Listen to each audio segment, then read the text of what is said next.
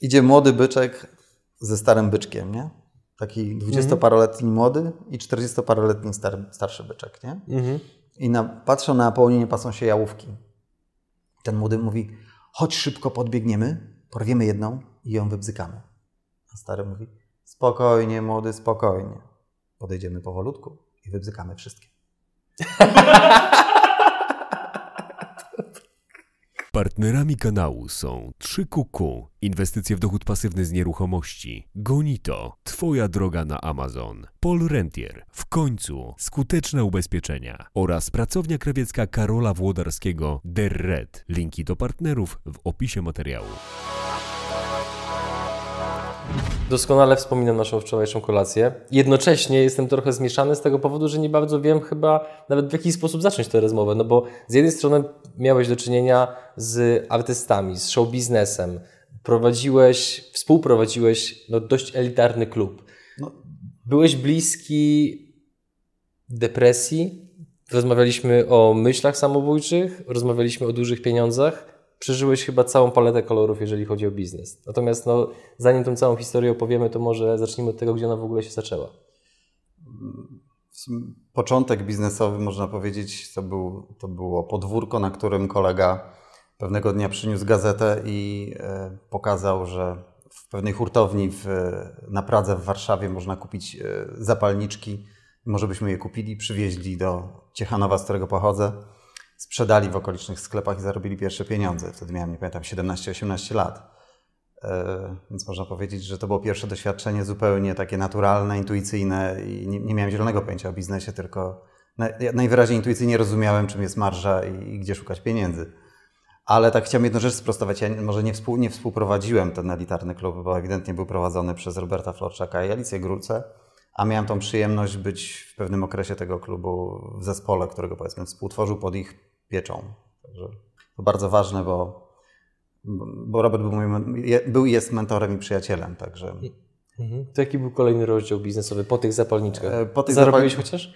E, wyszedłem na zero. Okej, okay, no to dobrze, że chociaż tak. Wyszedłem na zero, tak może powiem. Oczywiście była klasyczna sytuacja pod tytułem, jak e, słowo się rzekło kobułka opotu.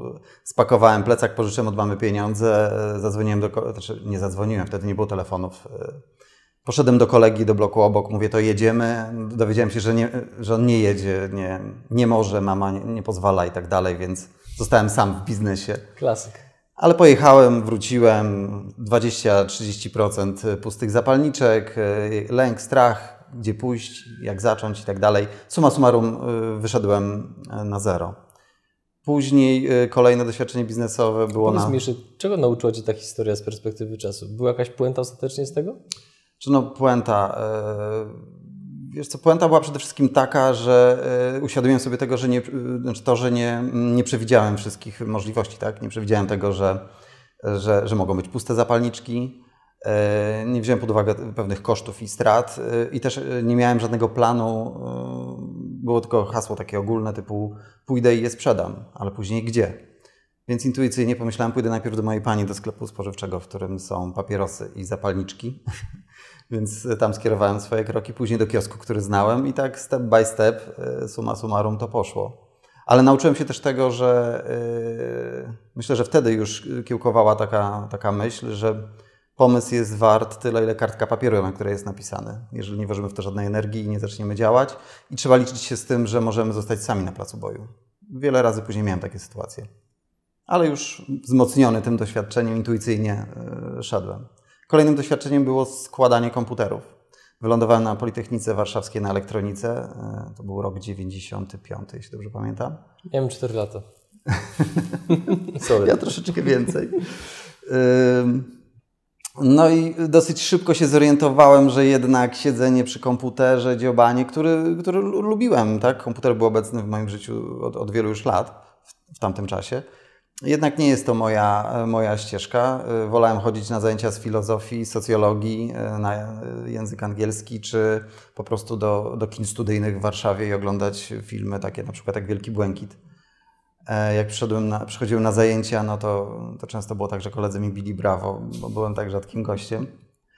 No ale y, byłem w tym środowisku, y, wśród też przyjaciół, mam do dzisiaj bardzo fajne relacje z, z kolegami z tamtych lat. Y, zobaczyłem, że można składać komputery, każdy chce mieć komputer, tak? Był Windows słynny 95, który, który zaczynał swoją karierę.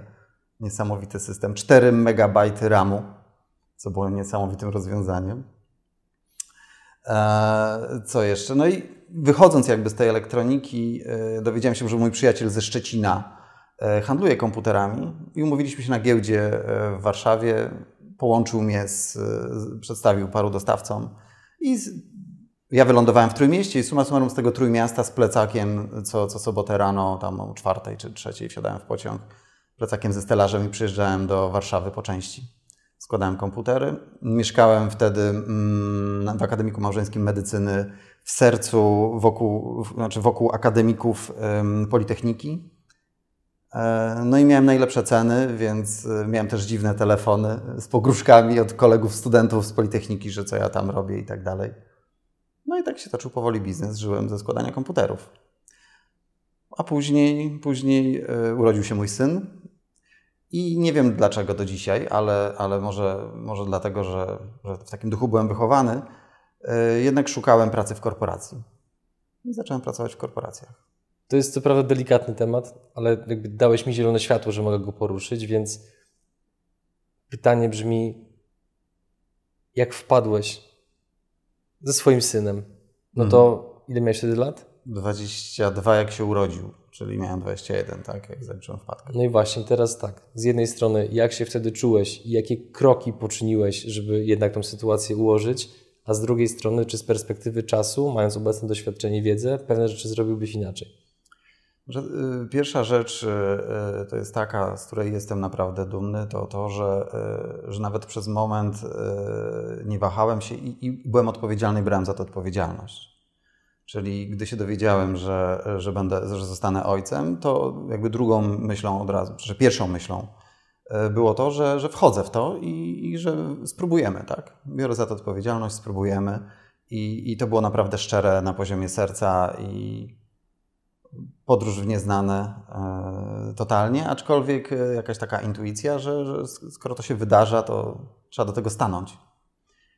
E, wtedy moja wczesna żona przynosi, studiowała medycynę w Białymstoku, ja studiowałem na Politechnice w Warszawie, ale podjąłem decyzję, że chcę się przenieść do Trójmiasta, więc suma summarum oboje wylądowaliśmy w Trójmieście. Ona przeniosła się na medycynę do Trójmiasta, a ja zacząłem studiować ekonomię na Uniwersytecie Gdańskim.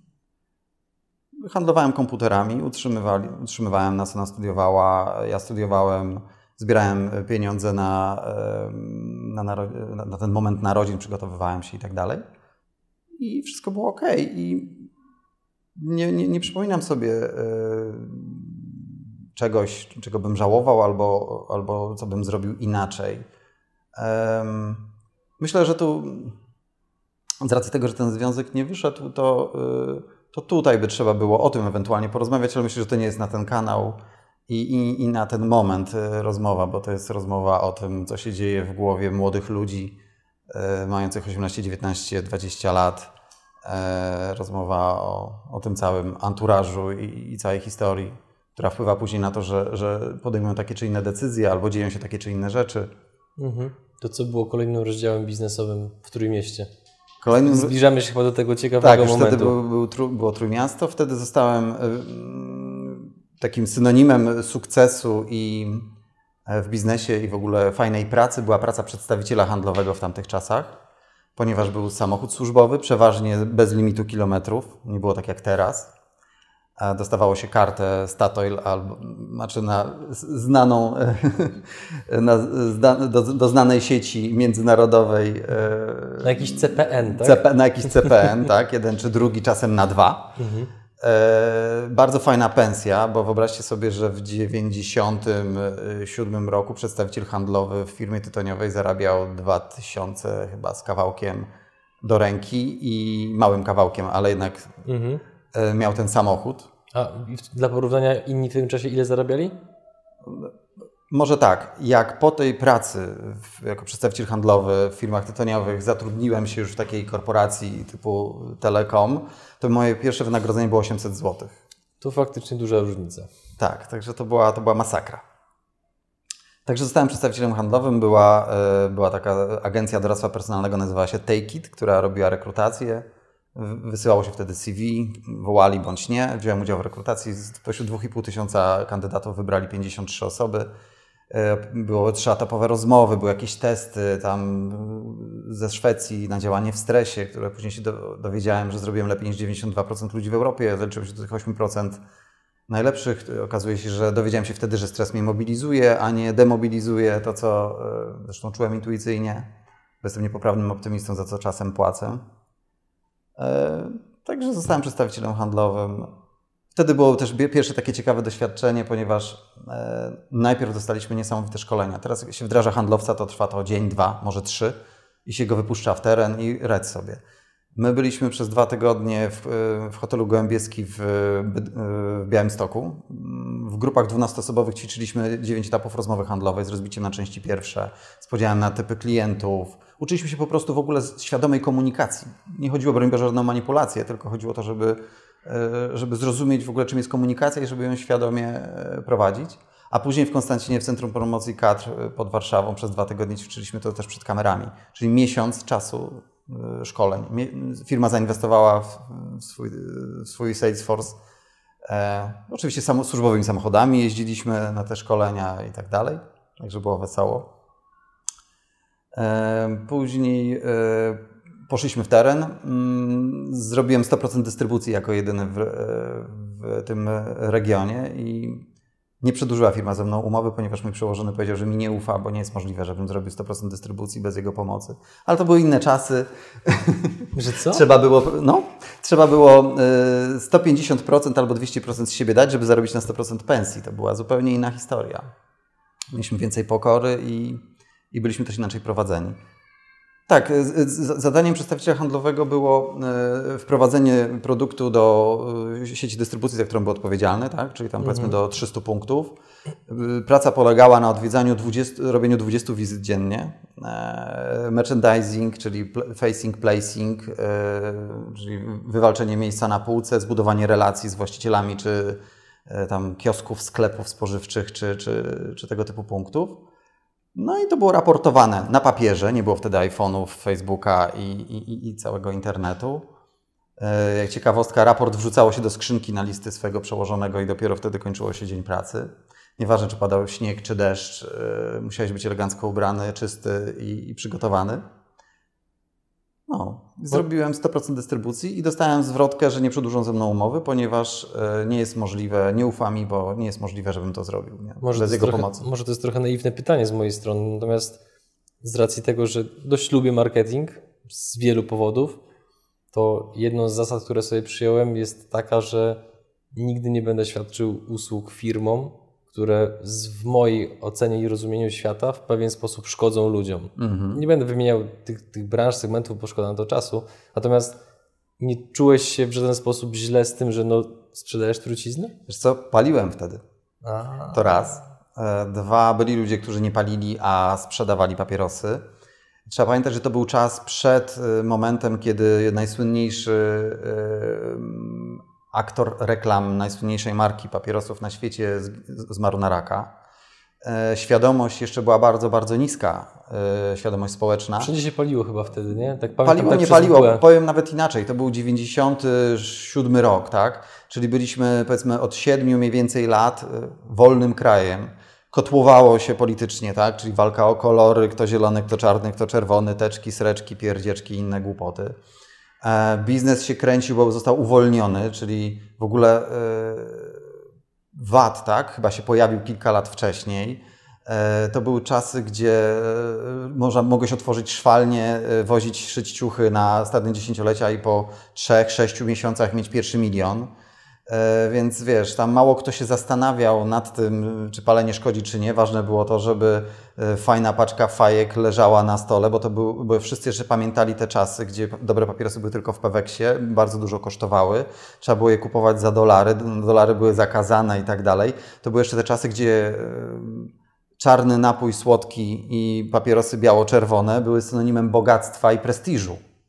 To teraz mamy świadomość taką, jaką mamy. Teraz nagle wszyscy się obudzili i piją piwo bezalkoholowe.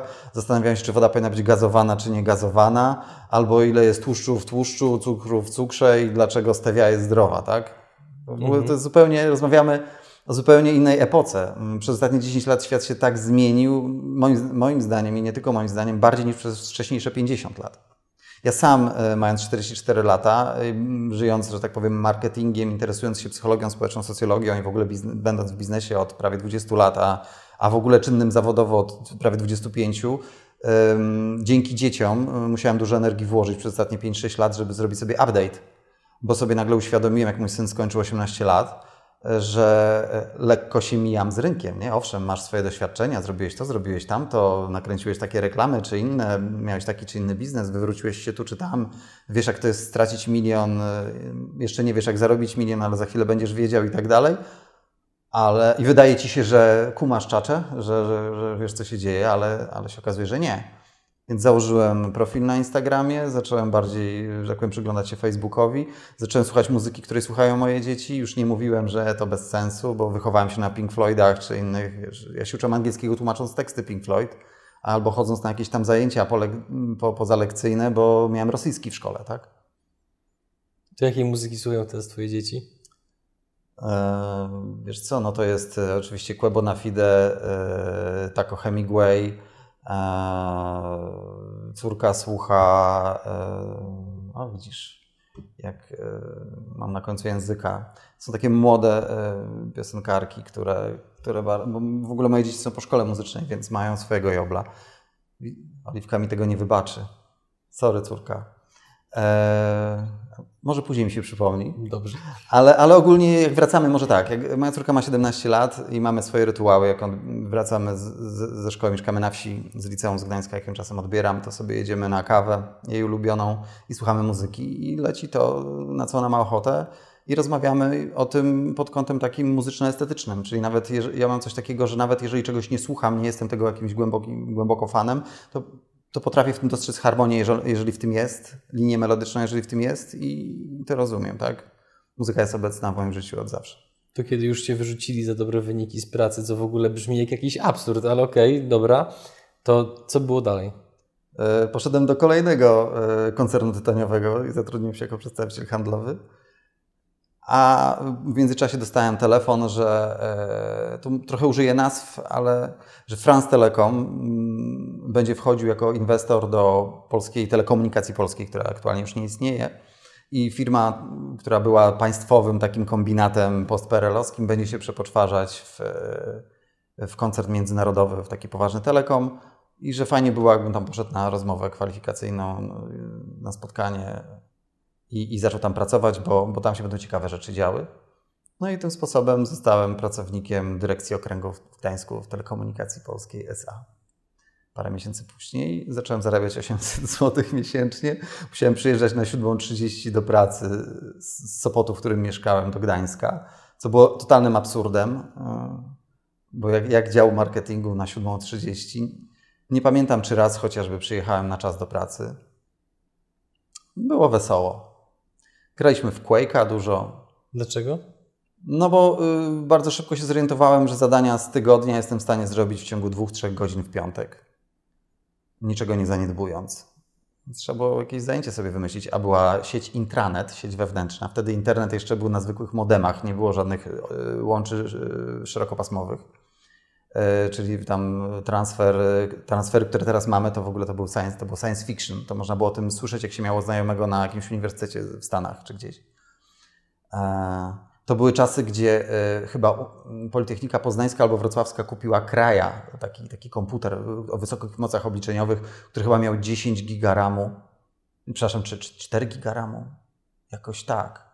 To był jedyny w, Pol jedyny w Polsce. Mhm Notabene pamiętam wtedy moi koledzy z pokoju obok, e, których znałem z Politechniki, e, włamali się na niego, bo nikt nie administrował tym komputerem, nie wiedzieli w ogóle jak go używać i używali go do własnych obliczeń. Robił jako robot e, szperający i tam, ale to też inna historia. Kiedyś notabene w ogóle na imprezie weszliśmy jeszcze w akademiku, jak mieszkałem w Rywierze Remont Starej, w, przed remontem w, na Polibudzie byłem świadkiem tego, jak weszli do jakiegoś banku górnictwa czy cukrownictwa, gdzieś tam koledzy i rozglądali się, co można zrobić. Nic nie zrobili oczywiście, ale to były, to były wesołe czasy. Więc wracając, graliśmy w Quake'a, bo się okazało, że ten internet wewnętrzny, intranet, chodzi szybciej niż internet na zewnątrz. No i nawet doszedłem do takiego momentu, że byłem w pierwszej trójce tam wśród tych wszystkich pracowników, informatyków i tych, którzy łączyli się na te serwery i trzaskali. No i właśnie, grając w Quake'a i wykonując obowiązki z całego tygodnia przez 2-3 godziny w piątek, udało Ci się osiągnąć poziom menadżera, czyli ten taki przez Ciebie postrzegany szczyt. Co było dalej? Może, może zanim do tego dojdziemy, to jeszcze wspomnę, że to była praca, której bardzo nie, nie lubiłem, bo czułem, że się w niej nie rozwijam. I zaliczyłem, to czuć. Zaliczyłem okres pod taki, że budziłem się codziennie rano i pierwsze słowa były o, a znowu muszę jechać, nie?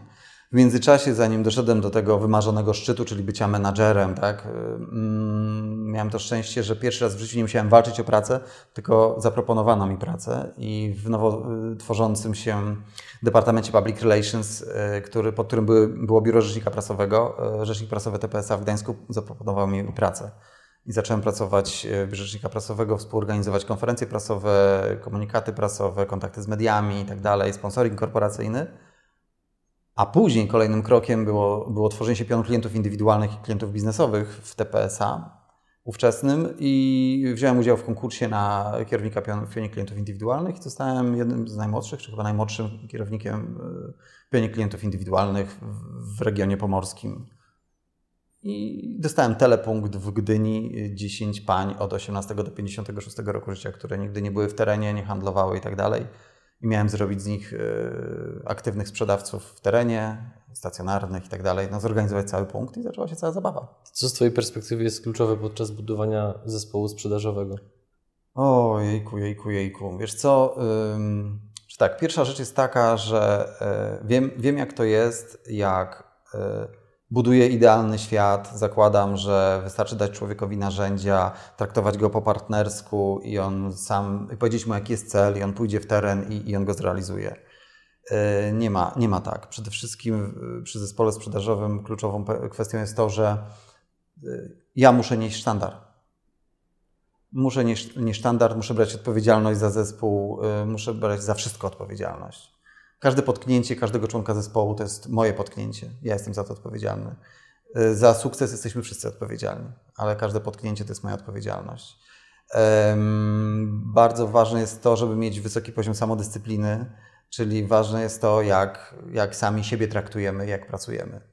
Czy bierzemy odpowiedzialność, jesteśmy w tym, lubimy to, jest to nasze i, i po prostu w naturalny sposób niesiemy ten sztandar, że sobie wymyśliliśmy, że chcemy być menadżerem, a inni za nas to zrobią, no to wtedy umarłeś, zginąłeś i, to nie zadziała. Mhm.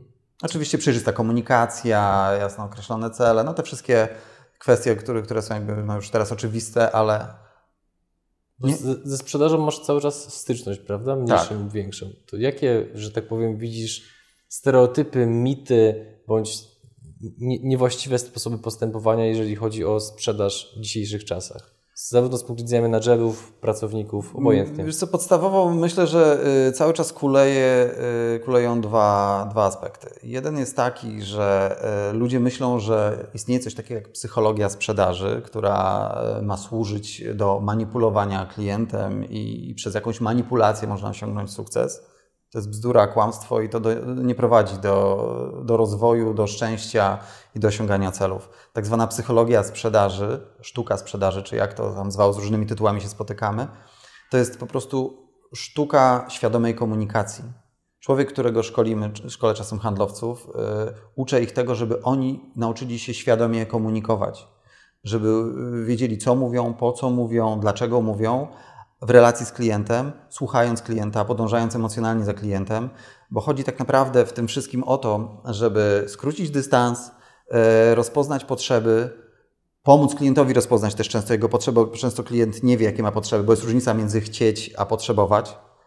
E, I zobaczyć, czy mogę te potrzeby zaspokoić. Jeśli tak, to je zaspokoić, jeśli nie, to, to nie, ewentualnie coś zarekomendować. To jest jedna rzecz. A druga rzecz jest taka, że przeżyliśmy też okres e, w latach mniej więcej, myślę, 2005, nawet wcześniej, 2002 do gdzieś 2000, myślę, 12. może 10. To, jest, to, by trzeba było dokładnie pogrzebać. Okres, y, to był okres, w którym mówiono, że miękkie techniki sprzedaży, miękka komunikacja jest bez sensu. Twardo, twardo, lejek do celu i tak dalej. Co zaskutkowało tym, że po powiedzmy tych 25 latach rozwoju naszego kapitalizmu, rynku y, wolnego w tym kraju, mamy cały czas deficyt miękkiej komunikacji. Y, łatwo jest usiąść, coś napisać, łatwo jest coś zrobić prezentację, łatwo jest komuś powiedzieć zrób to, ale być przykładem wejść w tą komunikację i, i, pochylić się nad drugim człowiekiem i zobaczyć, że faktycznie mamy po drugiej stronie człowieka, że, że to nie jest tak, że ja nadaję rytm i, i, i to pójdzie, tylko trzeba być empatycznym w taki zdrowy sposób. E, tego cały czas brakuje i myślę, że tu jest bardzo dużo przestrzeni do tak zwanych, nazwijmy to, miękkich szkoleń. E, tylko też jest ważne, żeby te szkolenia robili ludzie, z, którzy mają doświadczenie. Tak? Ja po 20 latach przeszło pracy w biznesie, teraz zastanawiam się nad tym jeszcze, czy, czy już mam, czy już dojrzałem do tego i czy faktycznie będę w stanie dać wartość, e, robiąc szkolenia. Mam kilka za sobą, ale nie robię tego jeszcze tak, tak wiesz. Jeszcze mam domenę maciejrogacewicz.pl i, i przymierzam się do, do ruszenia z czymś takim, ale jestem też bardzo powściągliwy i, i, i, i z taką pokorą do tego podchodzę, bo bo trzeba naprawdę czuć się dobrze w tym ze sobą, czuć, że się ma wartość i wtedy faktycznie można w ludziach wzbudzić entuzjazm, pozwolić im się rozwinąć i pójść w teren i, realizować swoje cele. To gdzie szukać tych kompetencji, tej wiedzy? No powiedziałeś, że między innymi podczas szkoleń, natomiast no znowu, jak osoba, która jest na początku drogi, jest osobą powiedzmy albo młodą, albo osobą no już powiedzmy troszeczkę starszą, ale środowisko biznesowe jest dla niej czymś nowym, no to w jaki sposób ta osoba ma ocenić, czy dany szkoleniowiec to jest osoba kompetentna, u której warto zostawić pieniądze? Mm, ja bym zachęcał może nie do szkoleń od razu, albo może mhm. moja japońska filozofia, którą Ci pisałem, jest to i to. Tak? Czyli ja wyznaję zasadę nie to albo to, tylko szukam, szukam y, sposobu, żeby było to i to w odpowiednich proporcjach. Moim zdaniem e, przewagą na przykład e, rynku amerykańskiego i to, że my się od nich uczymy, tej, całej kwestii startupowej, inwestycyjnej i tak dalej, jest to, że tam jest system mentorski rozwinięty. Tam jest czymś naturalnym, że chłopak na przykład mając 17 lat, ojciec przedstawia mu swojego kolegę, który prowadzi jakiś biznes albo, albo nie wiem, jest, no, ma, jakiś, ma jakiś sukces, tak? I mówi: Słuchaj, to jest tam John, i, i jeśli byś chciał, porozmawiajcie, mógłby zostać Twoim mentorem. Zachęcałbym do tego, żebyśmy szukali swoich mentorów. To jest y, najtańszy y, sposób dotarcia do wiedzy, do wiedzy praktycznej, bo, bo z całym szacunkiem, no, y, jakiś dwudziestoparoletni człowiek uczący psychologii sprzedaży czy, czy komunikacji, no, nie, ma, nie ma chociażby patrząc na to wagowo, tak? nie ma dużego doświadczenia, bardziej będzie jednak trochę teoretyzował i jest gdzieś tam na etapie swojej drogi i jeszcze pracuje nad sobą, tak? Ale już człowiek, który ma odpowiednią ilość blizn na rękach, który się nauczył tego, że trzeba stracić milion, żeby zarobić pięć, to była w ogóle też e, jedna, jedna z, ale to później do tego wrócimy. Przypomnij mi, żebym powiedział o tym, Oczywiście. bo to jest bardzo fajna sytuacja. E, to taki człowiek faktycznie może nam bardzo pomóc. I teraz zauważyłem taką rzecz, że mnie drive'uje, mnie nakręca e, sytuacja taka, gdy mm, człowiek, który mnie prosi, nazwijmy to o pomoc czy o jakąś radę, faktycznie e, szczerze o nią prosi, otwiera się i prosi. To wywołuje we mnie poczucie odpowiedzialności i automatyczne pełne otwarcie i daje mu wtedy swoje 100%. Po czym widzisz, że szczerze prosi? Wiesz co, to, to, to, to nie jest matematyka, to jest intuicyjnie, to się czuje. To jest tak jak jest flow, jest chemia między ludźmi i tak dalej. Jak jest chemia pozytywna, my się wczoraj spotkaliśmy pierwszy raz w życiu, a się znamy ze 150 milionów lat, tak? Było wesoło. No, także wiesz, yy, yy, więc znaleźć, szukać mentora, i też oczywiście y, ze zdrowym rozsądkiem tak, y, do tego wszystkiego podchodzić. Nie chodzi o to, żeby szukać ojca, którego się nie miało, i, i, czy, czy, czy, czy tego typu akcje, tylko po prostu szukać mentora i radzić się go radzić mhm. się go. I też y, pamiętać o tym, że w tym wszystkim chodzi o to, żeby, żebyśmy stali się samodzielni. Ja na przykład, gdy pracuję z ludźmi, bo też czasem jako coach pomagam niektórym ludziom, to moim celem jest doprowadzenie do tego, żeby oni samodzielnili się w pełni, żeby, żeby byli y, wolnymi ludźmi, żeby poszli w świat, a nie żeby się uzależnili od coacha i beze mnie nie podejmowali żadnych decyzji. Więc od samego początku uczę ich podejmowania samodzielnych decyzji. Co taki podopieczny powinien teoretycznie w pewien sposób zaoferować takiemu mentorowi, biorąc pod uwagę to, że no jednak doba każdego z nas jest ograniczona. No i wyobrażam sobie, że jakby udana relacja międzyludzka mniej lub bardziej przeważnie polega jednak na wymianie. Ty dajesz mi coś, ja tobie daję coś. Niezależnie czy to są pieniądze, energia, czas, humor, zdrowie czy inne rzeczy, zawsze ta wymiana następuje, więc jakby co zrobić w przypadku tego podopiecznego, żeby nie było sytuacji, w której on no, troszeczkę drenuje tego mentora, samemu nie dając nic od siebie. Myślę, że tu jest y, trochę o tym, co przed chwilą mówiłem, czyli ważna jest, jaka jest postawa tego podopiecznego i jaka jest jego motywacja. Y, dla y, menadżera, który jest zrealizowany w jakimś sensie, znaczy jest na swojej ścieżce, ale jest zrealizowany biznesowo na takim poziomie, że nie szuka, że tak powiem, wynagrodzenia za roboczą godzinę, tam chociażby miało i kosztować 200 euro. Dla niego tą, tą, nazwijmy to, zapłatą jest poziom otwartości, zaangażowania i pracy nad swoją samodyscypliną i wdrażania tych rad u tego podopiecznego. Czyli jeżeli na przykład ten podopieczny stanie się, jeżeli by wyszło na przykład, żebym z kimś pracował bym zobaczył, że jest neurotyczny, czyli że gdzieś tam ma jakieś deficyty, załóżmy, bo stracił wcześniej ojca i za bardzo idzie w tym kierunku w relacji ze mną, to to by sprawiało, żebym się dystansował. Ale jeżeli na przykład widzę, że on słucha, sprawdza, po, po sposobie, jakie po, po, rodzaju pytań, jakie zadaje, widzę, czy faktycznie wdrożył i sprawdzał, czy tylko siedzi na kanapie i tylko na poziomie głowy rzecz się dzieje, a, a wtedy się nic nie wydarza. E, to mnie drive'uje, czyli moje zaangażowanie jest wprost proporcjonalne do zaangażowania i otwartości osoby, z którą pracuję. Mhm. Wracając do Twojej ścieżki zawodowej. Był drugi koncern tytoniowy, była... E, był Telekom. tak, był Telekom, Next Step. Może jeszcze zanim się pojawił Next Step, to było tak, że właśnie zostałem tym kierownikiem wymarzonym. Mhm. Zacząłem wtedy zarabiać chyba 4, 4 z kawałkiem. Urodziła się e, właśnie moja córka, e, notabene pierwsza dziewczyna, kobieta w mojej rodzinie od 56 lat. Marzyłem całe życie o tym, żeby mieć córkę, a byłem przekonany, że to się nie wydarzy, bo same chłopy się rodziły w rodzinie. Także, także to było też mocne, bardzo mocne doświadczenie, dzięki. E, I, I nagle sobie uświadomiłem, że żeby pojechać na wczasy na przykład z rodziną, to muszę z tej pensji odkładać tam ileś set złotych miesięcznie, bo, bo nie ma nadmiaru. Z jednej strony osiągnąłem jakiś poziom, a z drugiej strony ten poziom jest, wiąże się z pewnym ograniczeniem. I to było, pamiętam, że to było przerażające. Przeraziłem się nagle sobie uświadomiłem, że żeby awansować dalej, będę musiał budować jakieś relacje z ludźmi, których może nie do końca lubię, bo, bo ta ścieżka by wiodła gdzieś tam w korporacji. Słyszałem o tym, że może warto zrobić MBA, ale jakoś nie, nie czułem tego. Poza tym zrobienie MBA wiąże się z karierą w korporacjach, a ja zacząłem mieć wątpliwość. I suma summarum, w momencie, w którym osiągnąłem ten cel, sobie uświadomiłem, że muszę stamtąd spierdzielać i zacząć robić w ogóle coś innego i w ogóle zacząć robić to, o czym zawsze marzyłem. A w międzyczasie, jako mieszkaniec Sopotu, zacząłem chodzić do Sopockiego Sfinksa, legendarnego klubu, który, było, który był magicznym miejscem, yy, się nie da w ogóle opowiedzieć, w którym liczyło się to, co masz w sercu, a nie to, co masz w portfelu. Yy, tworzonym przez ludzi sztuki, kultury, cały przekrój, że tak powiem, społeczeństwa, ale ludzi fajnych z błyskiem wokół przewijał się przez Sfinksa, którzy funkcjonują na całym świecie w różnych, w różnych konstelacjach, formach i aktywnościach zawodowych. Bardzo dziękuję w ogóle mm, Robertowi i Ali za to, że miałem taką możliwość, żeby stać się częścią tego towarzystwa.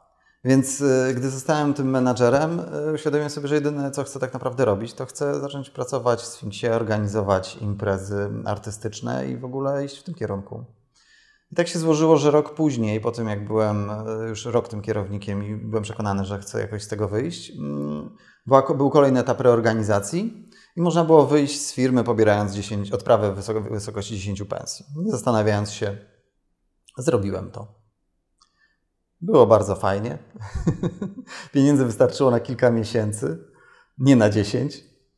Czyli stopa życia urosła dość gwałtownie. Yy, no, znaczy, to może nie stopa życia urosła, ale nagle się wypiąłem z wrotek. Wypiąłem się z, ze świata, w którym żyłem, yy, bo, bo wydawało mi się, że to jest to, czego szukam. Że to jest to, czego potrzebuję, może o tak. A okazało się, że to, czego, czego, czego potrzebuję, to było zupełnie gdzie indziej. Zacząłem pracować w Sfinksie jako selekcjoner czyli osoba, która decydowała o tym, kto wchodzi, a kto nie wchodzi do klubu. Zacząłem zajmować się, z racji tego, że pracowałem w biurze rzecznika prasowego, miałem relacje z mediami, łatwość też tej relacji i w ogóle łatwość w komunikacji. E, że okazało się, że umiem ładnie mówić i, i, i tak dalej. E, zacząłem zajmować się też PR-em dla klubu i współtworzeniem tego miejsca. A później e, założyłem agencję artystyczną e, I&I Records i zaczęliśmy organizować imprezy, koncerty. Byliśmy pierwsi w Polsce, którzy zaprosili do współpracy i przekonali do współpracy markę Reserved i markę Divers. Nikt wcześniej w Polsce tego nie dokonał, więc było, był wstrząs na rynku. Pojawiło się jakieś dwóch kolesi prawie że znikąd, z Sopotu, związanych z Sopockim Sfinksem, którzy, e, którzy organizują imprezy takie, jakich jeszcze nie było, albo, a na pewno imprezy nietuzinkowe i fajne. To tu zróbmy pauzę, bo mam pytanie dotyczące tego, w jaki sposób wygląda praca selekcjonera w klubie, do którego chce każdy wejść. E, wiesz co, nie wiem jak Ci odpowiedzieć na to pytanie. Może Ci, może ci powiem, jak ja, jak ja do tego podchodziłem. E, ja stwierdziłem, że e, pójdę jakby tym tropem, który mnie sprowadził do Sfinksa, tak? Mnie ujęło w Sfinksie to, że tam nie miało znaczenia, co masz w portfelu, tylko tak jak powiedziałem, to, co masz w sercu. Mógł na imprezie tańczyć elektryk z milionerem, z aktorką, z muzykiem, e, ze sobą bawiąc się, stojąc przy barze i to nie było Facebooka, tak?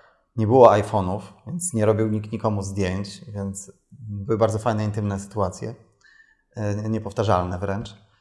E, więc e, stwierdziłem, że jeśli ma selekcja się dziać, to musi się dziać e, właśnie z poziomu takiego energetycznego, czyli muszę od, odsiewać ziarno od plew, a tym, tym negatywnym elementem, który ma, ma odpaść, to jest agresja. I kierowałem się intuicją. Ochroniarze dbali o to, żeby, żebym był bezpieczny i naprawdę to, robili to bardzo dobrze stał za mną duży Tomek. E, ci, którzy chodzili do Sfinksa, wiedzą o kim mówię. I wyprzedził każdego, kto próbował, a nie było zbyt dużo incydentów, e, e, skrócić ze mną dystans. No i, no i, i tak to się działo, czyli było dzień dobry, zapraszam, albo przepraszam, ale Państwo nie wejdą, albo Panie tak, Panowie nie, ale jak to? I tak dalej. Uprzejmość, kultura i szczerość. Dobrze, wracając do Reserve i do Diversa, to co spowodowało, patrząc z perspektywy czasu, że akurat Wam udało się ich przekonać do współpracy? Wiesz co, to był... Yy, wydaje mi się, że, że, że to się zbiegły warunki. Yy, na pewno to, na jakim etapie były te firmy rozwoju, tego, że w tamtym czasie i myślę dalej to się, to się dzieje, firmy i marki szukają nowych ścieżek, badają różne nowe ścieżki i, i, i tak dalej. Poza tym to były czasy, gdzie e, ludzie przychodzili do firm i prosili o pieniądze. A my przyszliśmy z prezentacją i zaprezentowaliśmy koncept nocy klubowych, który wymyśliliśmy, Reserved for the People. E, zbudżetowany z całą kampanią marketingową i z przeliczeniem e, kosztu dotarcia do pojedynczego odbiorcy, co było nietypowe w tamtych czasach. Zaproponowaliśmy po prostu profesjonalny koncept i, i, i przekonaliśmy ich do tego, że warto im, nam zaufać, że to zrealizujemy. I zrealizowaliśmy. I poszło. I nagle się okazało, że na pierwszą imprezę przyjechało MTV kręcić 20 klubowych, swój kluczowy program. Pod Sfinksem stał tłum, a my sprzedaliśmy 1200 biletów do Sfinksa, gdzie teraz sprzedaje 400, to będzie sukces, czy tam 600. Życzę oczywiście jak najlepiej ówczesnym obecnym e, właścicielom, którzy naprawdę robią dobrą robotę, ale mają zupełnie jakby inne realia, inne trudności i tak dalej. A my tu strzeliśmy taki boom, że wiesz, był szok. Jakie rzeczy z punktu widzenia ogólnie życia bądź biznesu, jakich rzeczy nauczyłeś się pracując właśnie w Sfinksie? No bo to było bardzo nietypowe Pierwsza rzecz, e, to nauczyłem się tego, że mogę zarabiać pracą własnych rąk. Bo y, praca w korporacjach to była praca na etacie, czyli wykonywałem jakąś pracę, owszem, dbałem o merchandising, facing, placing i tak dalej, to wszystko, co jest z tym związane, do dystrybucję, ale miałem płaconą pensję, która była jednak jakimś wyimaginowanym tworem, jak, jak, jak adekwatnym do tego, co robię, nie wiem, tak? Czy do mojego czasu, czy nie. A tu nagle dostaję kasę za noc stania na bramce, dostaję kasę za PR, za konkretne e, joby i konkretny rytm prowadzenia tego. Mogę wstawać o której chcę. Nagle się okazuje, że poranki mam z rodziną, z żoną, z dziećmi, jakie chcę i w ogóle nie muszę iść do pracy i zarabiam pieniądze. Nie wstałem, na przykład przez cały tydzień nie poszedłem na ósmą do pracy. Robiłem, robiłem w wolnych chwilach, byliśmy na spacerze, to tamto, w piątek pracowałem w nocy, w sobotę pracowałem w nocy i mam te same pieniądze, co byłem jako menażer mogę własną pracą zarabiać pieniądze. A byłem wychowywany w czymś takim, że idź do pracy, idź na etat, e, zrób karierę e, w korporacji, będziesz miał na kontrakcie, nie wiem, tam moim marzeniem było e, kontrakt menedżerski na przykład 30 tysięcy miesięcznie. Myślałem, że to jest jedyna droga do dużych pieniędzy. A się okazuje, że, że mogę własną pracą i to jeszcze takim, ta własna praca wiązała się też z byciem sobą, takim, z takiego psychologicznego punktu widzenia. Czyli faktycznie tego doświadczyłem, faktycznie musiałem sobie odpowiedzieć na pytanie, czy to jest to, co chcę robić, czy to lubię, czy nie, a nie odgrywanie jakiejś roli menadżera w korporacji, bo to jest taka właściwa ścieżka, a tu nie było kontaktu takiego ze sobą, więc więc yy, doświadczyłem tego, że ktoś mi zaufał, ktoś mi zaproponował pracę, pokazał mi, właśnie Robert, że mam możliwości, że mogę z nich skorzystać, że moi, moje właściwości i taki, jaki jestem, też, też, też jest rynkowe, że tak powiem, tak? I to było, to, było, to było niesamowite. Później ta agencja, czyli wiesz, siedząc y, przy stoliku małym ikeowskim w mieszkaniu, gdzie biegają dzieci na pół metrze kwadratowym, robienie prezentacji, przygotowywanie się do negocjacji, później jechanie do tej, do tej firmy. Tu mi na przykład pomogły do, doświadczenia korporacyjne, że rozumiałem język korporacyjny, dlatego umiałem działać na granicy show i biznesu. Stąd ten show biznes się pojawił. Rozumiałem język mediów, rozumiałem język działów marketingu, rozumiałem język sprzedaży yy, korporacji i rozumiałem to, że chcę mieć pełną lodówkę, zapłacony prąd yy, i być wolnym człowiekiem. Co było dalej po Sfinksie? po Sfinksie.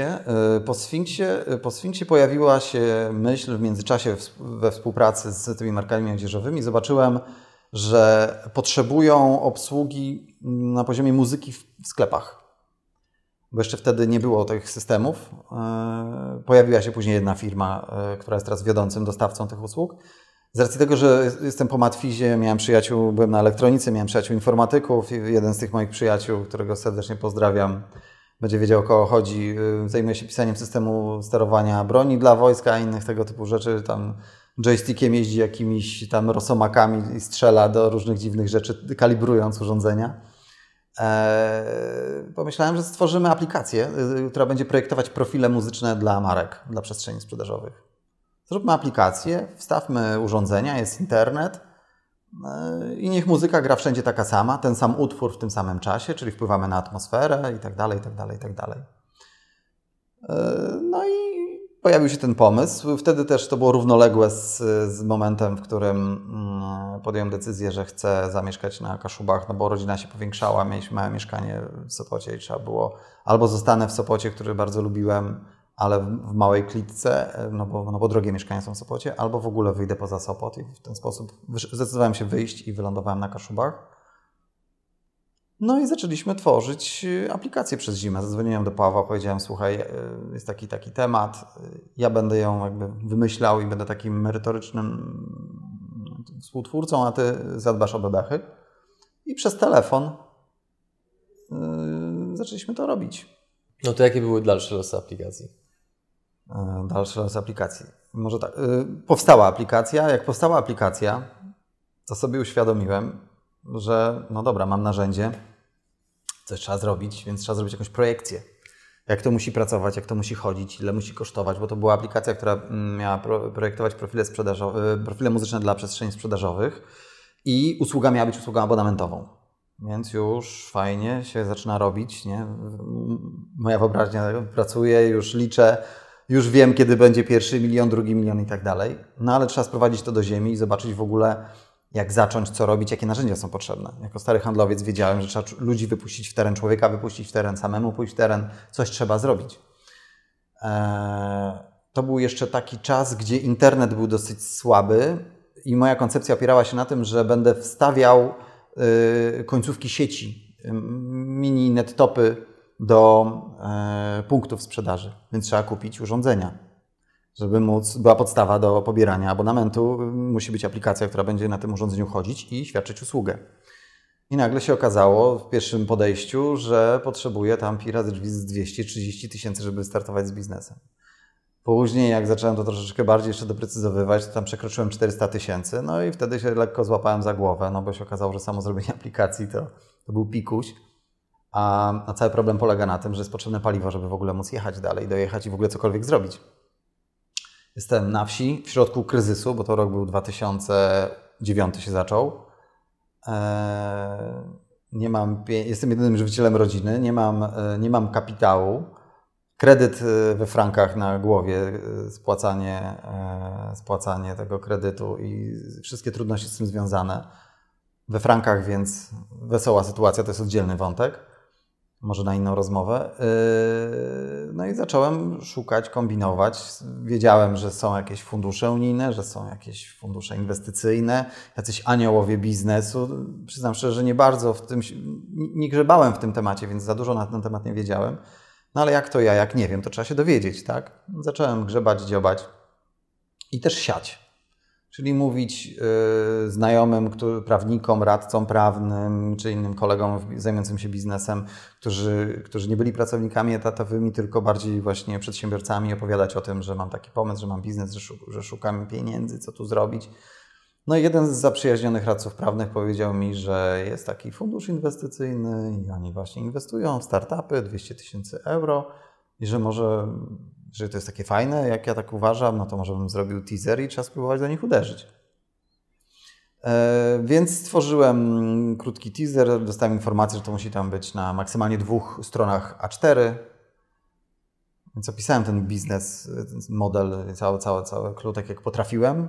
Też nie, nie było y, książki Lean Startup, nie było żadnych źródeł, nie było żadnych, tak jak teraz można sobie PDF-ów ściągnąć milion, jak teasery wyglądają.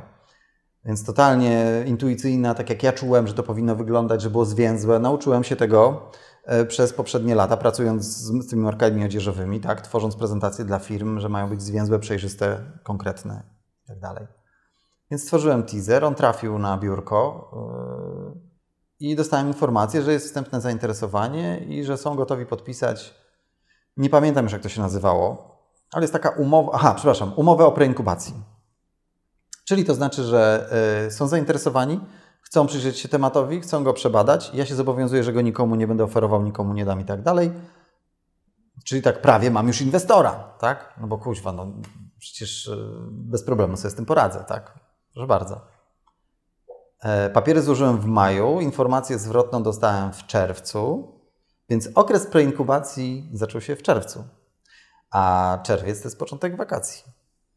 Więc ci wszyscy analitycy biznesowi wspaniali, których bardzo serdecznie pozdrawiam, e, jeździli na wakacje i jeden był, drugiego nie było, trzeci był, czwartego nie było. Więc ten okres preinkubacji trwa chyba ze trzy miesiące, a krótko mówiąc to polega na tym, na stworzeniu biznesplanu, takiego biznes modelu w tabelach, czyli trzeba zrobić Excela. Szczerze mówiąc, teraz już wiem, że to jest rzecz, którą można zrobić w tydzień i już wtedy też wiedziałem, że można to zrobić szybciej. No ale z racji tego, że był okres wakacyjny, no to y, dojechaliśmy do y, końca września. Czyli nie mam pieniędzy, mam zamrożony pomysł, muszę jakoś funkcjonować, no i czekam na to, aż się doprocesuje sytuacja z pozyskaniem kapitału, założeniem startupu i jedziemy z tematem. Nie masz kredyt we frankach. Kredyt we frankach i nie ma książki Lean Startup. To jest też bardzo ważny, ważny punkt. E, więc we wrześniu to zakończyliśmy się dowiedziałem, że ok, dobra, to teraz będzie komitet inwestycyjny. Komitet inwestycyjny to jest taka sytuacja, mm, którą, taki, takie, mm, taki bardzo ważny moment, który, który organizuje fundusz inwestycyjny. Krótko mówiąc, wtedy eksperci mm, z funduszu lub wyznaczeni przez fundusz lub i to, i to, czyli jakby nazwijmy to komisyjnie, odpytują pomysłodawcę, rozmawiają z nim, sprawdzają, prze, przerabiają ten biznesplan w lewo, w prawo, wszerz i wzdłuż zadając wszystkie pytania najlepsze, najtrudniejsze i tak dalej. Więc dowiedziałem się, że ten komitet inwestycyjny będę miał bodajże 17 listopada.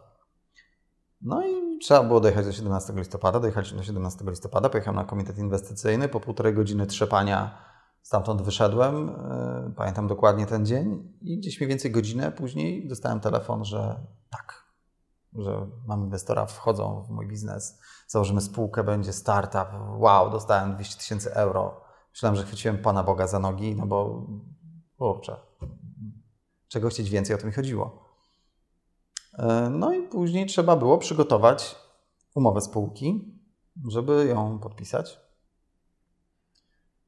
Co trwało do marca. 20 bodajże 8 czy 9 marca, jeśli dobrze pamiętam, powstała spółka. Później Trzy miesiące czekałem na wpłatę kapitału założycielskiego, czy cztery? Chyba trzy.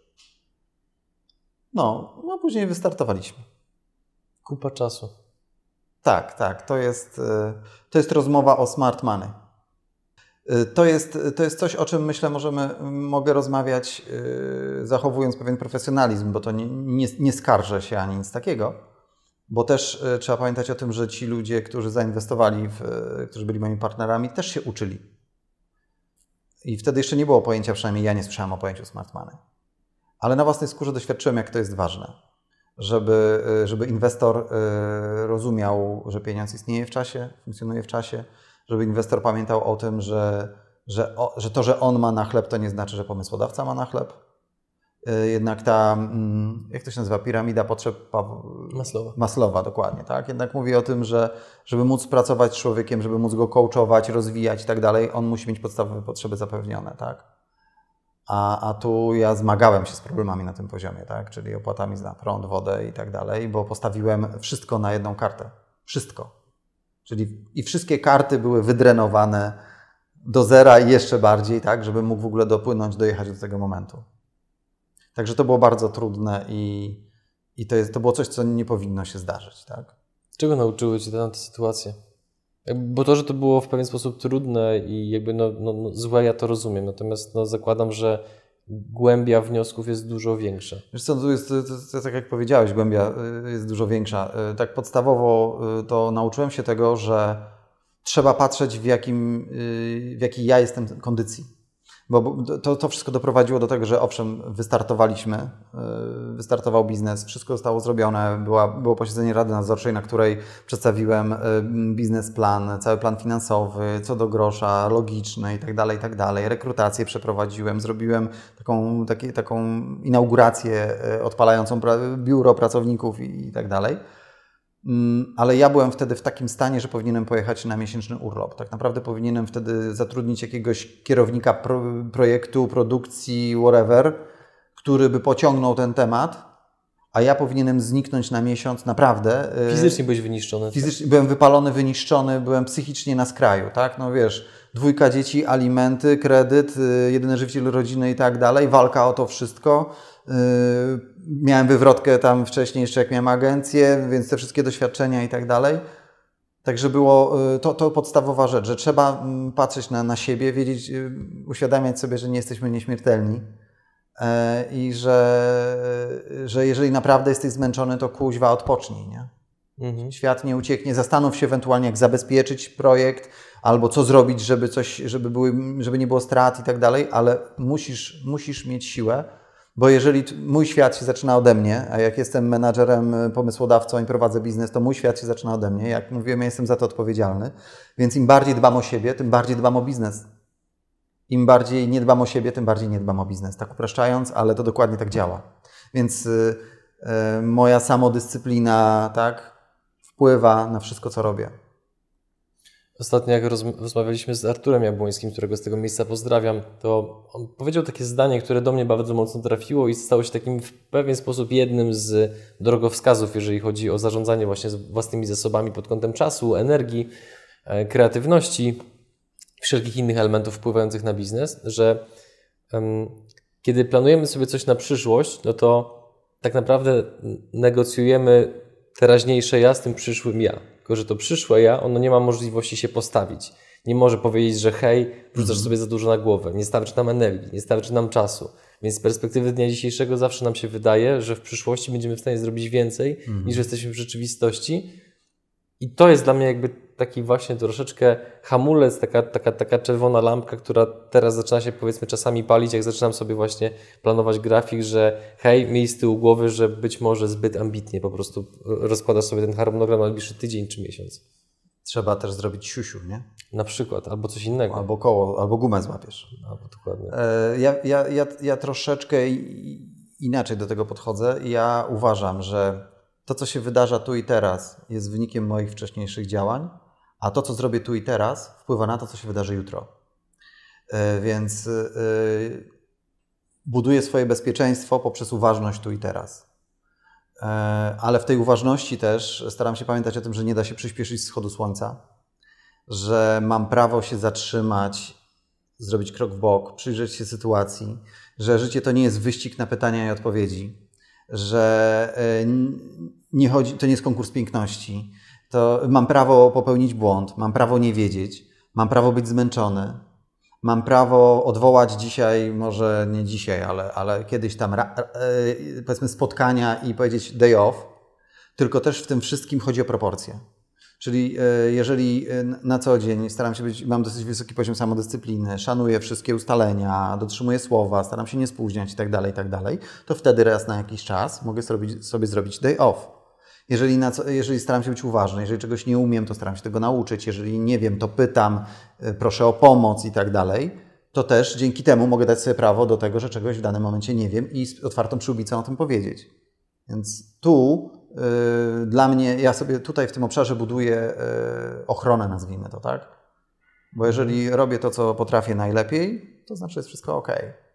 Jakie jeszcze inne błędy popełniłeś w tym startupie? Inne? Z, z kolacji po prostu przypominam sobie, że ich było trochę więcej chyba, więc tak Słuchaj, wiesz, drążę. Wiesz co, to, to w ogóle była taka sytuacja, że ja popełniłem y, wszystkie błędy, o których y, pisze książka Lean Startup. Y, myślę, że mm, analizując mój, moje poczynania można, można, można robić prezentację, zresztą robiłem to i pokazywać ludziom, czego nie należy robić, tak? Czyli mm, zatrudnienie od razu konkretnego zespołu, który ma wykonywać konkretne zadania, zanim doprowadzimy do momentu, w którym, że tak powiem, ta, ta pojemność w ogóle będzie wypełniana tą, tą aktywnością, tak? czyli że faktycznie będą potrzebne te zadania.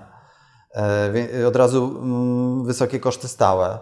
E, przekonałem, e, przekonałem Radę Nadzorczą do zgody na to, żebym, się śmieję, wybacz, ale to jest śmieszne, żebym wziął samochody w leasing nowe Um, a tak już nie, nie śmiejąc się, e, tylko, bo to już, to, już była, to, już, to już była poważna akcja, jak już widziałem, że z miesiąca na miesiąc topnieje e, kasa i nie ma efektów, nic nie wpływa, a odpływa i tak dalej, później musiałem zwalniać ludzi, e, których nie chciałem zwalniać, bo cały czas nie miałem mentoringu, to, to, nie było smart money, więc byłem sam na polu walki. Owszem, próbowali mi coś powiedzieć, ale zupełnie inaczej jest, jak e, ktoś ci coś radzi, kto nie ma autorytetu, a inaczej jak ktoś radzi, kto ma autorytet. Autorytet e, trzeba też jakoś zbudować, to są subtelności, które się dzieją. Ja tak akurat miałem, że te osoby no, nie miały nie miały dla mnie autorytetu, nie były dla mnie autorytetem. Dlaczego? Wiesz co, dlaczego? No, nie wiem dlaczego. Znaczy, to nie jest tak, że nie wiem. No jakoś nie wiem, nie, nie, znaczy nie wiem. Za dużo mówię, nie wiem. To jeszcze parę razy i zapędzimy, to zrobimy mem z Ciebie. Spoko, można zrobić mem. Nie wiem, nie wiem. Nie wiem. Co nie było, nie, nie było chemii. Poza tym pracownicy etatowi z instytucji, która nie jest funduszem inwestycyjnym, która dostała kasę z trzy jedynek, tak? to było działanie 3.1, z którego płynął strumień na reinwestowanie pieniędzy w biznes, w startupy, są wrzucani do rady nadzorczej i próbują yy, coachować Maćka Rogacewicza, który już zaliczył jedno bankructwo, który z korporacji przeszedł na swój biznes, który ma trójkę dzieci, który wie, jak to nie jest y, mieć pieniędzy, jak to jest nie mieć pieniędzy na chleb, czy, czy tego typu rzeczy. I robią to nie merytorycznie, tylko na przykład obetniemy panu tysiąc y, złotych z wynagrodzenia najbliższego w najbliższym miesiącu, bo nie odpisał pan na maila y, członka Rady Nadzorczej. To jest autentyczny przykład? Tak. Przepraszam. Więc wiesz, no, tu nie ma mowy o autorytetach, tak, w tym momencie. A ja faktycznie potrzebowałem y, twardziela, w sensie doświadczonego menadżera, y, który prowadził własny biznes, który zjadł na nim zęby, który miał większe blizny niż ja i który by powiedział Pani Rogacewicz, ok, fajnie, ma Pan super pomysł, zrobimy tak, ale zrobimy w odcinkach, w krokach. Właśnie metoda Lean. Ja nie znałem wtedy takiego określenia jak metoda Lean Startup. Ta książka pojawiła się chwilę później. Ona najpierw jeszcze w ogóle była w języku angielskim, później się pojawiła w mhm. języku polskim. Także się uśmiechałem pod nosem, jak, jak, jak ją zobaczyłem, mówię, no fajnie. Dlaczego, Znowu się minąłem z rynkiem. A dlaczego wzięcie samochodów w leasing było z Twojej perspektywy błędem? Pytam dlatego, ponieważ to nie jest, pomimo tego, że są te wszystkie źródła dostępne, o których mówisz, to ja wciąż regularnie spotykam sytuacje, gdzie właśnie kiedy jest duży zastrzyk finansowania, to nagle się idzie troszeczkę po bandzie, jeżeli chodzi o zakupy i właśnie na przykład się buduje flotę samochodów, od razu buduje się bardzo duży zespół. Jakby chciało się tak bardzo mocno przyspieszyć tą przyszłość, zamiast do niej spokojnie dojść. No odpowiedziałeś sobie sam na pytanie, zadając pytanie. Dobry jestem, co? Mistrzem świata jesteś. Jeszcze do tego przystojny. Nie, no, e... spokojnie. spokojnie. Ja też tylko kobiety. E, także, także jesteś bezpieczny.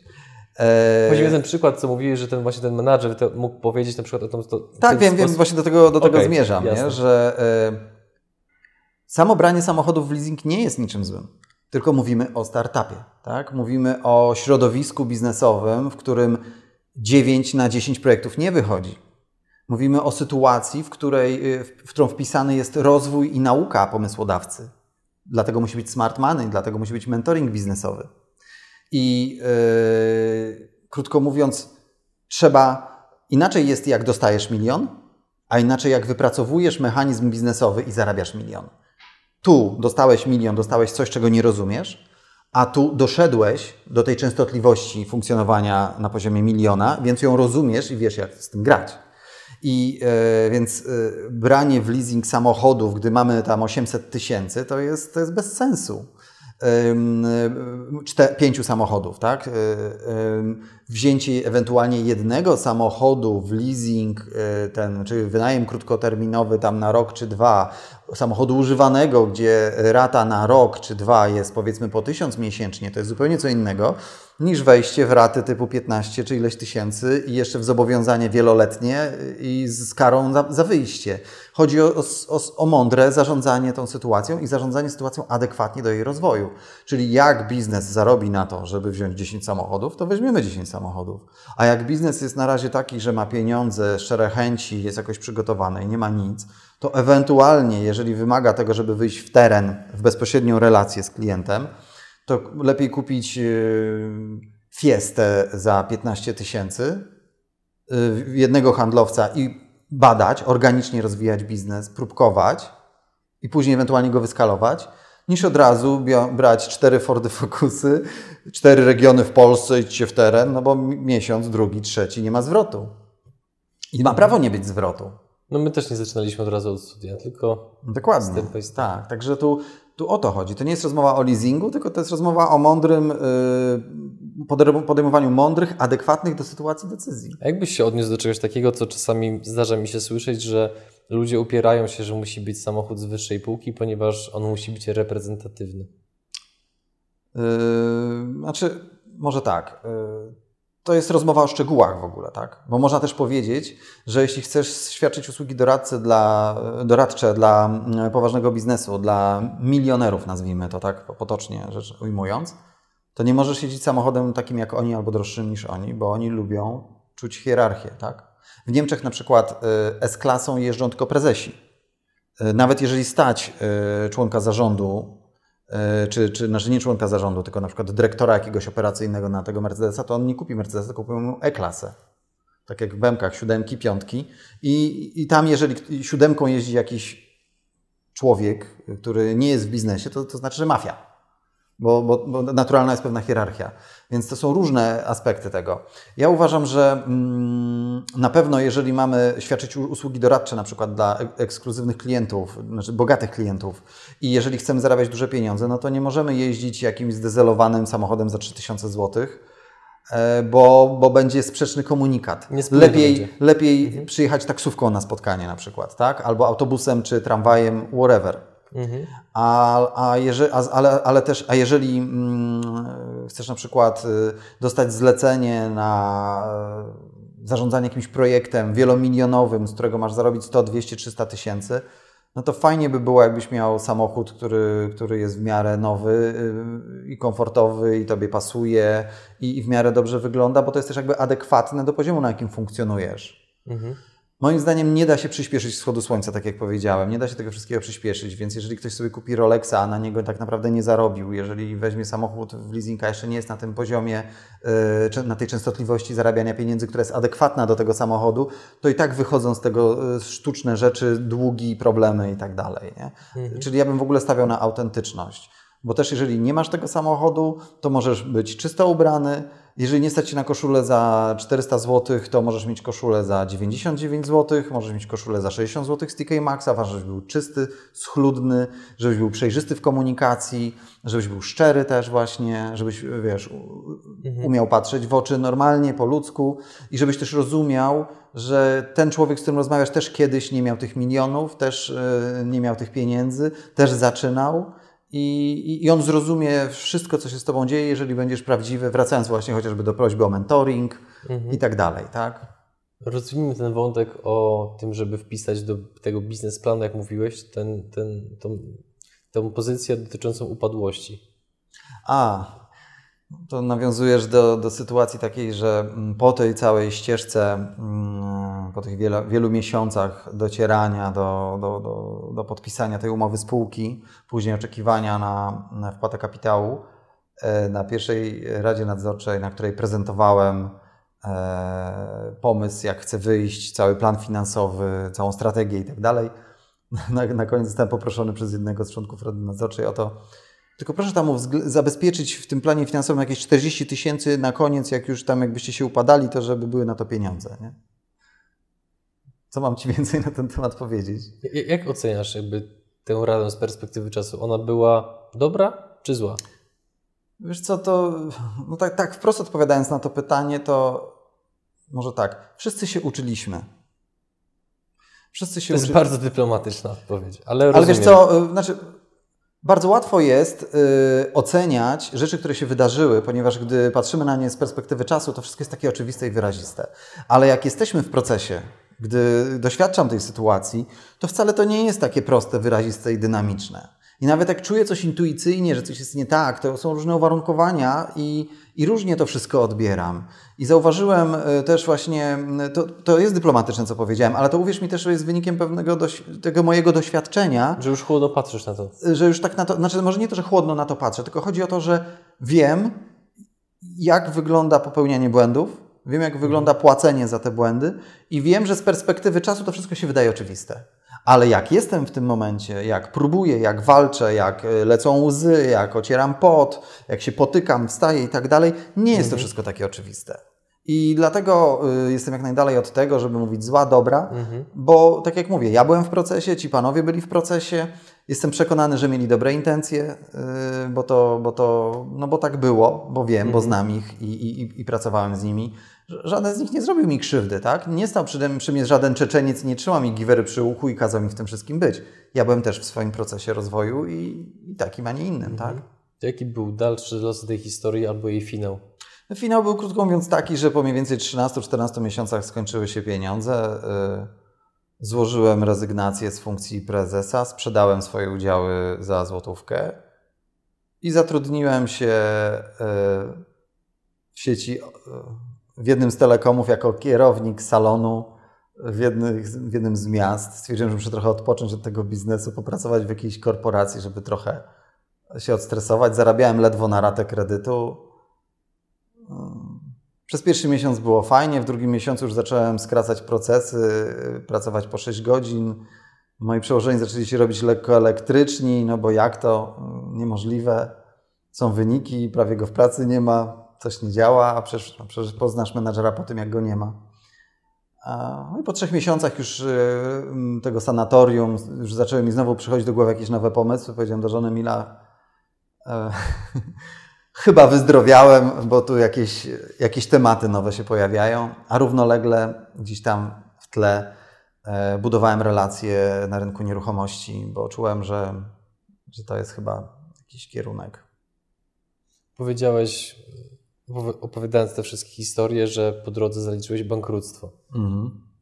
Mm, jakby skandalem byłoby, dla moich widzów, gdybym tego wątku no, nie pociągnął. No, jakby taka jest jednak moja rola. wspomniałem o tym. Żartuję oczywiście. Więc jaka była właśnie sytuacja związana z tym bankructwem?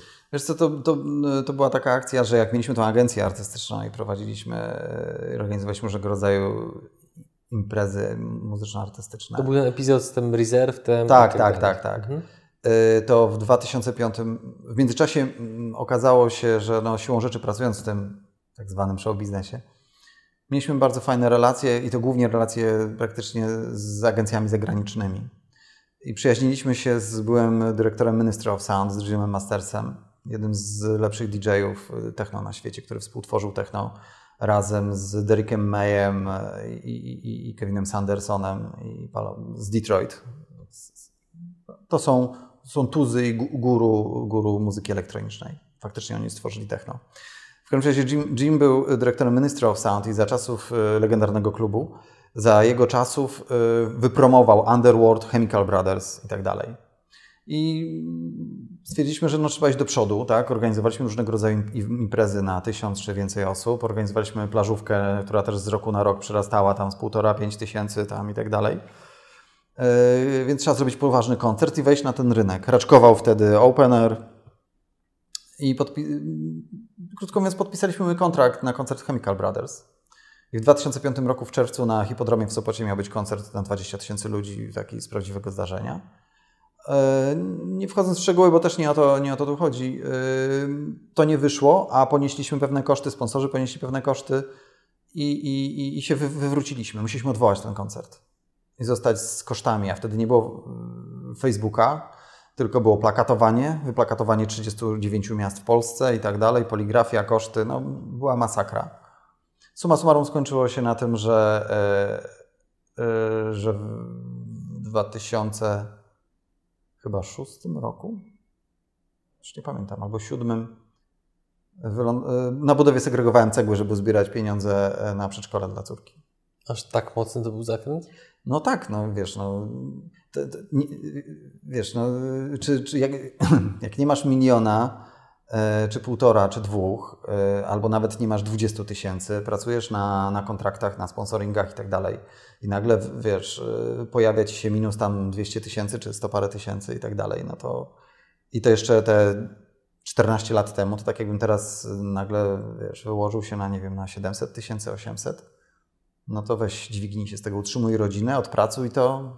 Mhm. No są, są, są trudne momenty. Co było tym krytycznym takim błędem, który spowodował, że ten koncert się nie udał? Nie odczytaliśmy rynku. Ym, Wtedy były czasy jeszcze, gdzie ym, nie kupowano biletów. Nie kupowaliśmy my Polacy biletów na pół roku przed koncertem, tylko kupowało się w dniu koncertu albo dzień wcześniej. E, My tego nie przewidzieliśmy. E, Zakładaliśmy idealne rozwiązanie, że wszyscy będą przecież na koncert Chemical Brothers, bo to, że Gazeta Wyborcza czy tam e, zrobiła z nami artykuł na głównej stronie, to, że Hirek Wrona zapowiedział to w Teleekspresie, to, że MTV o tym mówiło, to, to już na pewno i Wirtualna Polska na głównej stronie, których w ogóle to, to byli nasi partnerzy i naprawdę bardzo, bardzo fajni. No to, to, to myśleliśmy, że, że, już, że już mamy, że wszystko wyjdzie i będzie. Mieliście okej. armaty medialne ze sobą. Mieliśmy rabaty, tak. No, bo, Armaty. Bo, armaty. Ar, rabaty też, też. Rabaty też, ale mieliśmy armaty, dokładnie. No się okazało, że nie. Okazało się, że wielu ludzi nie wierzyło, że ten koncert będzie, mimo że. No, taki był rynek, a nie inny. Nie czytaliśmy rynku właśnie. Nie, nie, nie zignorowałem rynek, można tak wręcz powiedzieć. To był mój podstawowy też błąd. Jakbyś to rozegrał inaczej w tamtym czasie? No bo w dzisiejszych tam to jakby jestem w stanie sobie Wiesz wyobrazić, co? tak bilet E, się sprzedaje w kilka minut. Pierwsza czasami. rzecz, powinienem być cierpliwy. Nie powinienem e, organizować koncertu w ten sposób, że zaczynam negocjować kontrakt w grudniu, podpisuję go, nie pamiętam, tam chyba w styczniu albo w lutym. Mam notabene ten kontrakt do dziś i mam zachowane kilka biletów na pamiątkę.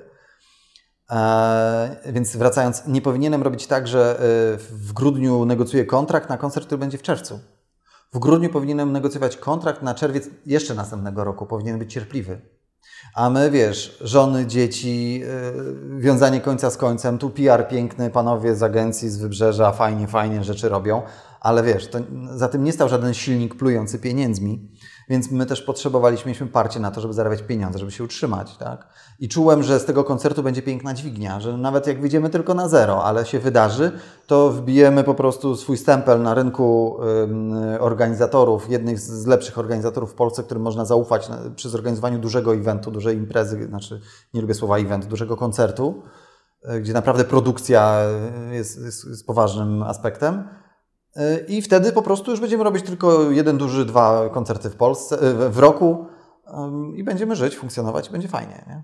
Co powodowało, że byłeś w stanie odnaleźć się w tak bardzo skrajnych środowiskach, branżach, a mimo to radziłeś sobie w nich no, całkiem dobrze? Hmm. Nawet pomimo potknięć. Wiesz co, ciężko. Takie, wiesz, trafiłem na kozetkę psychologiczną, widzę u pana psychologa Służę. Adriana. Dziękuję pani Adrianie. Wiesz co? Hmm. E, na pewno to jest związane z moją osobowością, tak? Z tym, że jestem niepoprawnym optymistą, że ja na przykład jak się komuś wiedzie, to się cieszę. Jak spotykam kogoś, kto jest ode mnie w czymś lepszy, to się zastanawiam, czego mogę się od niego nauczyć. E, zawsze się cieszyłem cudzymi sukcesami. E, jak się coś przewróciło, czy tam się coś nie udało, to po pierwsze patrzyłem na to, jaka jest w tym nauka dla mnie, a po drugie, jakie z tego wyciągnąć wnioski i lecimy dalej. Zawsze do przodu, zawsze uśmiech, zawsze wiara w ludzi i tak dalej, tak? Jednocześnie e, wrażliwość na muzykę i piękno otaczające mnie, tak? Czyli e, lubię ładne, fajne rzeczy, nie, nie tuzinkowe, nie, nie, nie masowe, osieciowe, tylko tylko naprawdę fajne rzeczy. Bardzo doceniam proces twórczy i uważam, że to jest mega trudny temat i poważne studium psychologiczne dla każdego artysty, który, który staje do tego tematu, żeby cokolwiek stworzyć. Więc miałem zawsze ogromny szacunek dla artystów i dla tych środowisk. Mm, gdzieś tam kiełkowało, myślę, jakieś niespełnione marzenie o byciu reżyserem, bo kiedyś mi nam przemknęło to przez myśl, ale gdzie tam reżyser, chłopak z jakiegoś tam małego miasta. Także wiesz, niska samoocena i tak dalej. I, i, I, myślę, że to, że, że takie, taka postawa proaktywna, a nie reaktywna, e, jednak bądź co bądź umiejętność słuchania, troszeczkę tupetu, e, takiej normalnej wiary w siebie. Tak? Miałem, miałem na przykład taką akcję, że jak Japan Tobacco, e, bo to jest firma, w której zaczynałem właśnie jako przedstawiciel handlowy, mieliśmy po tych wszystkich szkoleniach, o których mówiłem, miesięcznych, imprezę integracyjną, która była gdzieś tam pod Warszawą, gdzie było jakieś ognisko, jakieś bieganie po lesie inne rzeczy. Patrzę i siedzi przy ognisku full naszych chłopaków z browarami i tak dalej. I siedzi taki sam Japończyk. I nikt z nim nie gada. Podszedłem do niego. Cześć, co tam, jak tam, jak się czujesz, to jak Ci się podoba w Polsce, a fajnie, a to, a tam to po angielsku rozmawialiśmy. I później następnego dnia w Sheratonie inauguracja, mega wypas. Stoję, rozmawiam, obok mnie stoi mój sales manager, dyrektor sprzedaży na Polskę. Eee, i nagle podchodzi do mnie, aha, przepraszam, i jest, prezent, jest prezentacja e, zarządu z Japonii. I, I, nagle dyrektor marketingu i sprzedaży odpowiedzialny za Europę Środkowo-Wschodnią i wychodzi ten Japończyk. No i tam była prezentacja, du, du, du, a później nagle ja stoję z nimi, rozmawiam, nagle ktoś podchodzi mnie w plecy. Hej, jak się masz? I ten Japończyk podszedł do mnie, do tych dyrektorów. Ten. Oni ani B, ani B, kukuryku po angielsku. Ja z nim rozmawiam, co słuchajcie, Ci się podoba. Wiesz, no i to są takie momenty, w których y, rozgrywają się te wszystkie rzeczy, nie? Co mam Ci tu więcej powiedzieć? Jak wszedłem do Sfinksa, to nie mogłem wzroku oderwać od Roberta i Ali, bo ich bardzo szanowałem. Y, rozumiałem ten język, te, te, te wartości i tą estetykę, którą oni przekazują. To mnie bardzo pociągało. Po prostu czułem od samego początku, że muszę ich poznać. No to ich poznałem. No. Co jest kluczowe właśnie w poznawaniu innych ludzi, skracaniu tego dystansu, co nie jest, wydaje mi się, w Polsce taką oczywistością, też nawiązując do tego, co powiedziałeś, że jest wciąż bardzo duży deficyt umiejętności miękkich. Wiesz co, nie odpowiem Ci na to pytanie, bo, bo to jest, to, to musieliby mądrzejsi ludzie ode mnie usiąść, y, zajmujący się psychologią społeczną, socjologią i, i naprawdę by trzeba było z nimi poważnie na ten temat porozmawiać, bo ja mógłbym tylko powiedzieć o jakichś moich przemyśleniach, które mogłyby się lepiej, lepiej nie. E, ja myślę, że kluczem w tym wszystkim jest jednak szukanie siebie, e, akceptacja siebie. Czyli jestem przekonany, że człowiek, który ośmiela się zaakceptować siebie takim, jakim jest, da, da, da, który daje sobie szansę po prostu bycia kompletnym tu i teraz, takie trochę może coachingowe mówienie, ale, ale tak faktycznie jest. To taki człowiek ma dużo większą łatwość w nawiązywaniu relacji z ludźmi, tak? Bo, bo, tak jak już wcześniej mówiłem, to nie jest konkurs piękności i wyścig na błyskotliwe pytania i odpowiedzi. Tylko moim zdaniem, jak już, to jest to konkurs na zwykłą ludzką życzliwość i autentyczność. I, i, i, i tyle, wiesz. Nie wiesz, co się wydarzy. W każdej chwili może błysnąć światło, strzelić piorun.